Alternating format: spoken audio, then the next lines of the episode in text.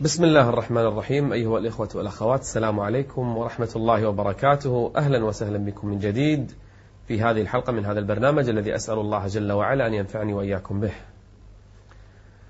من أجمل لحظات المؤمن في هذه الدنيا الليل والليل يختلي كل حبيب بحبيبه أهل الدنيا كل واحد عنده عشيقة ولا واحدة عندها عشيق يختلون في الليل مع بعضهم. لكن أهل الإيمان عندهم أعظم حب لله جل وعلا وأعظم محبوب هو الله جل وعلا. ولهذا تجدون لياليهم يقضونها مع الله مع الحبيب الأعظم. إذا حل الليل وإذا سكنت الأصوات وإذا هدأ الناس قاموا إلى مصلياتهم. وضع الإنسان مصلاه وقام وكبر لله عز وجل. والذين يبيتون لربهم سجدا وقياما. انظر إلى أحوال النبي صلى الله عليه وسلم وأصحابه. أما هو يدخل عليه بلال فيرى قدميه قد تورمتا من طول القيام. زوجته عائشة تأسف عليه من طول قيامه فتقول يا رسول الله تفعل هذا وقد غفر الله ما تقدم من ذنبك وما تأخر. فيقول أفلا أكون عبدا شكورا؟ والذين يبيتون لربهم والذين يبيتون لربهم سجدا وقياما. هل تصدقون أن بعض الناس من رمضان إلى رمضان ما يعرف قيام الليل؟ ما يعرف شيء اسمه قيام الليل إلا في رمضان. مصيبة. طيب أحد عشر شهرا ألغى من جدوله شيئا اسمه قيام الليل. حبك لله يتبين في قيامك لليل. أحيانا بعض الناس محروم أصلا. الله حرم من قيام الليل. حتى قال الحسن البصري بعد أن سئل ما بالنا لا نستطيع أن نقوم الليل. نحاول يجاهد الإنسان نفسه لكن ما يقوم. قال الحسن البصري إجابة تدل على فقيه. قال قيدتكم ذنوبكم قيدتكم خطاياكم. سهران طول الليل على التلفزيون. سهران طول الليل على الألعاب والإنترنت والبواقع والماسنجر وغيره. من أين له أن يقوم شيئا لله عز وجل؟ دخل بلال يوم من الأيام فرأى النبي صلى الله عليه وسلم يبكي. فقال ما لك يا رسول الله؟ أسفنا عليك؟ حزنا عليك. قال قد أنزلت علي الليلة آيات. ويل لمن قرأها ولم يتفكر فيها. كان يقوم بها بالليل ويبكي. كان طويل القيام صلى الله عليه وسلم. وكذلك أبو بكر وعمر. يخرج النبي من بيته في الليل فينظر إلى أبي بكر. ماذا يفعل؟ يقوم الليل. يذهب إلى عمر ينظر إليه يقوم الليل. أبو بكر بلا صوت. عمر رفع صوته فيقول لأبي بكر ارفع صوتك قليلا. ويقول لعمر أنزل صوتك قليلا. هكذا كان يعلم أصحابه. أما عثمان فكان أكثر الليل عنده قيام. هكذا كان عثمان بن عفان. هؤلاء هم قدواتنا. الواحد منهم أكثر الليل عنده قيام. أنزل الله عز وجل في عثمان بن عفان آية. تعرفون ما هي هذه الآية؟ أمن هو قانت آناء الليل ساجدا ساجدا وقائما يحذر الآخرة يحذر الآخرة ويرجو رحمة ربه. قل هل يستوي الذين يعلمون والذين لا يعلمون؟ إنما يتذكر أولو الألباب. ليلهم قيام ليلهم سجود ليلهم ركوع. أحد الصالحين جلس يبكي يوم من الأيام فجاءه أصحابه يعزونه إيش فيك تبكي؟ لما كل هذا البكاء؟ تعرفون لما؟ يبكي لسبب واحد. مات ابن؟ لا. ماتت زوجته؟ لا. خسر أمواله؟ لا. تعرفون لما يبكي؟ يقول لأصحابه فاتني وردي البارحة. ليلة لم أستطع فيها أن أقوم الليل فجلس طول اليوم يبكي. أي قلوب هذه؟ قال الشاعر إذا ما الليل أظلم كابدوه فيسفر عنهم وهم ركوع. أطار الخوف نومهم فقاموا وأهل الأمن في الدنيا هجوع. لهم تحت الظلام وهم سجود أنين منه تنفرج الضلوع. الناس نايمين وهم قيام. الناس عصاة وهم يختلون بربهم جل وعلا. إذا نزل إذا جاء ثلث الليل الآخر نزل الرب عز وجل. نزولا يليق به جل وعلا إلى السماء الدنيا. فيقول هل من سائل فأعطيه؟ هل من مستغفر فأغفر له؟ هل من داع فأستجب ليلة في الأسبوع على الأقل. اجعل لك يا عبد الله ليلة. إذا لم تستطع كل ليلة ليلة واحدة تقوم فيها الليل. آخر الليل في جوف الليل الآخر. انظر إلى نفسك كيف تتغير. انظر إلى قلبك كيف يطمئن. انظر إلى صدرك كيف ينشرح. سئل الحسن البصري ما بال المتهجدين بالليل؟ أحسن الناس وجوها. ليش اللي يقومون بالليل وجوههم تتغير؟ منيرة مضيئة. قال لأنهم خلوا بربهم فألبسهم من نوره. يا الله. ما أحلى قيام الليل؟ ما أحلى أن يقوم الإنسان من فراشه؟ فيدع الفراش. تقول عائشة رضي الله عنها في ليلة من الليالي. ليلتها تقول قام النبي عني. فأردت أن يعني أن ينام معي أن يكمل معي. فقالت أين تذهب يا رسول الله؟ قال يا عائشة ذريني أتعبد ربي. خليني خليني أصلي. أتعبد ربي. قالت والله إني أحب قربك لكني لا أمنعك. عن عبادتك لربك. تقول فتوضأ. وكان بيتها كله غرفة واحدة. غرفة. يعني يمكن مترين مترين ماكو شيء. تقول فقام النبي فتوضأ. ثم كبر فصلى. فكان إذا أراد أن يسجد غمزها. يعني أشار إليها وهو يصلي. فتثني رجلها. فيصلي عليه الصلاة والسلام. هكذا كان ليله. قيام. كان يختلي بينه وبين الله عز وجل. ثابت البناني عشان لا تقول أن الأمر صعب. صحيح هو صعب. يقول جاهدت نفسي في قيام الليل عشرين سنة. عشرين سنة أقاوم نفسي في قيام الليل أعودها أصبرها أربيها على قيام الليل. يقول فأعانتني علي عشرين سنة أخرى. عشرين سنة تعب وعشرين سنة تلذذ إنما الأعمال بالنيات. وإنما لكل امرئ ما نوى. والله بعضنا لو كان عنده موعد نص الليل طيارة ما ينام يمكن. يقوم بدون ساعة. لو كان عنده موعد مع حبيبه يمكن ما ينام الليل كله. طيب الحبيب الأعظم والذين آمنوا أشد حبا لله. ينادينا كل ليلة. ومن يستجيب لله؟ سمعتم برجل اسمه منصور ابن المعتمر؟ رجل عابد قائم. كان يصلي الليل وكان عنده جيران البيت اللي يمه في بنات صغار. والبنتين الصغيرتين كل ليلة كانتا تصعدان إلى سطح المنزل تلعبان على سطح المنزل في الليل. من الحياء ما يطلعون إلى السطح إلا بالليل. في ليلة من الليالي طبعا كل ليلة كانوا يلعبون على السطح يشوفون بيت الجيران ظلام بالليل يشوفون خشبة. خشبة منصوبة في بيت الجيران. كل ليلة يشوفونها. في ليلة من الليالي نزلتا من السطح فنادتا الأم. يا أماه يا أماه قالت الأم ما شأنكما؟ قالت الخشبة العمود اللي في بيت الجيران اختفى. كل ليلة كنا نرى في بيت الجيران عمودا. الليلة اختفى العمود. شلون؟ فقالت الأم ليس ذلك بعمود. قالت وما هو يا أماه قالت الأم إنه منصور بن المعتمر. كان يقوم كل ليلة لكنه مات البارحة.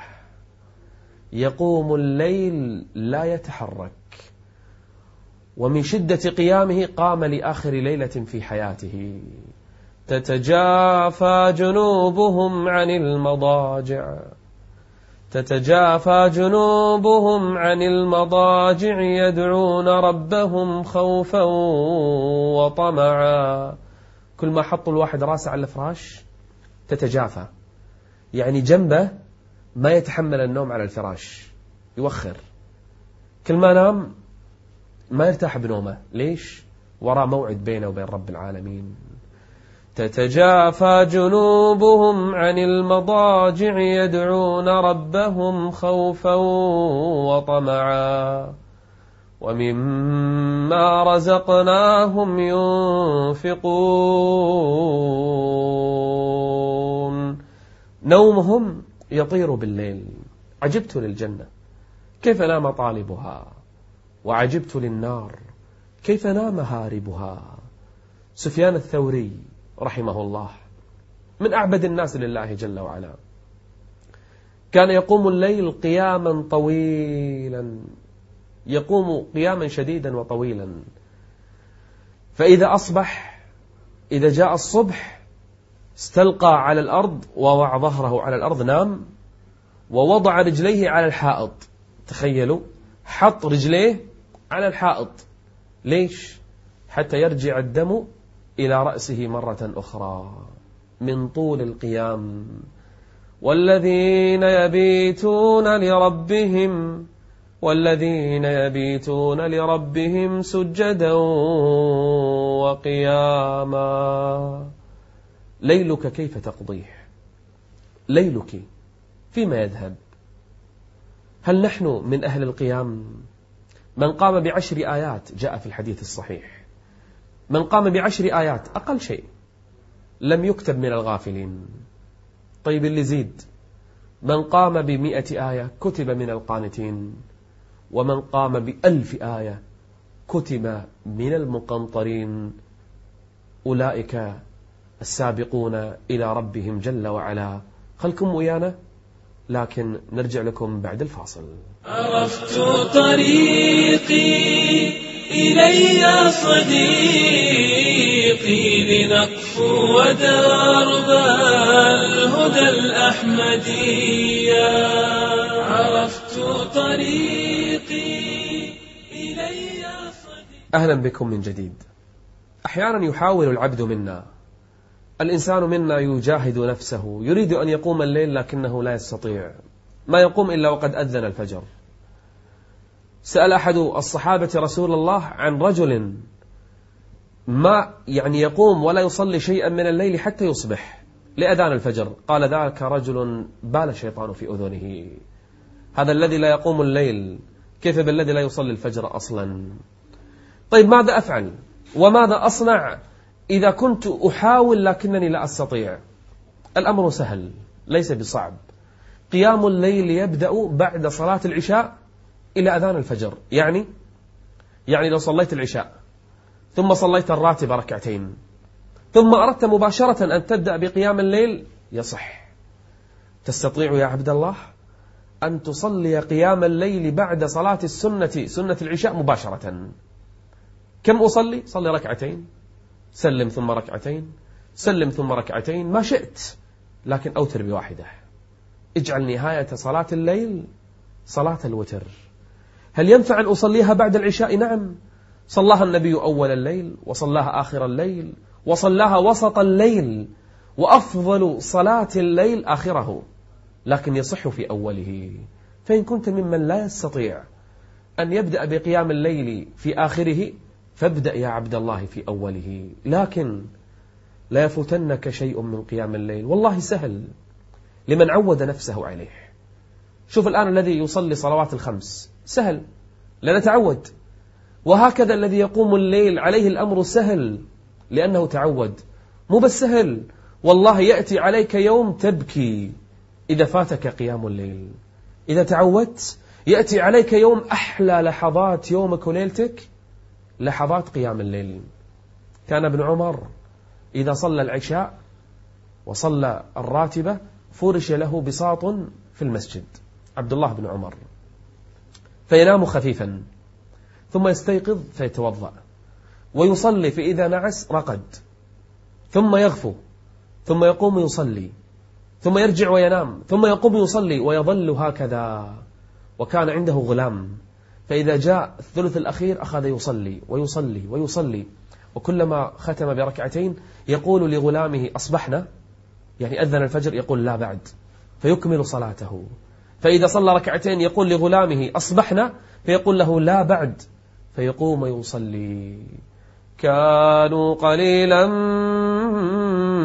من الليل. كانوا قليلا من الليل ما يهجعون. نومهم قليل. وبالأسحار. قبل الفجر بقليل. وبالأسحار هم يستغفرون. الله أكبر. يقومون الليل. ثم بعد هذا يستغفرون الله عز وجل. حياتهم جميلة. كثير من الصالحين قبل موته بكى. قالوا له لم تبكي؟ كثير من الصالحين. قال أبكي على أمور. قالوا ما هي؟ قال أبكي على مكابدة الليل في قيام الليل. أبكي هذه أحلى لحظات حياتي. أبكي عليها.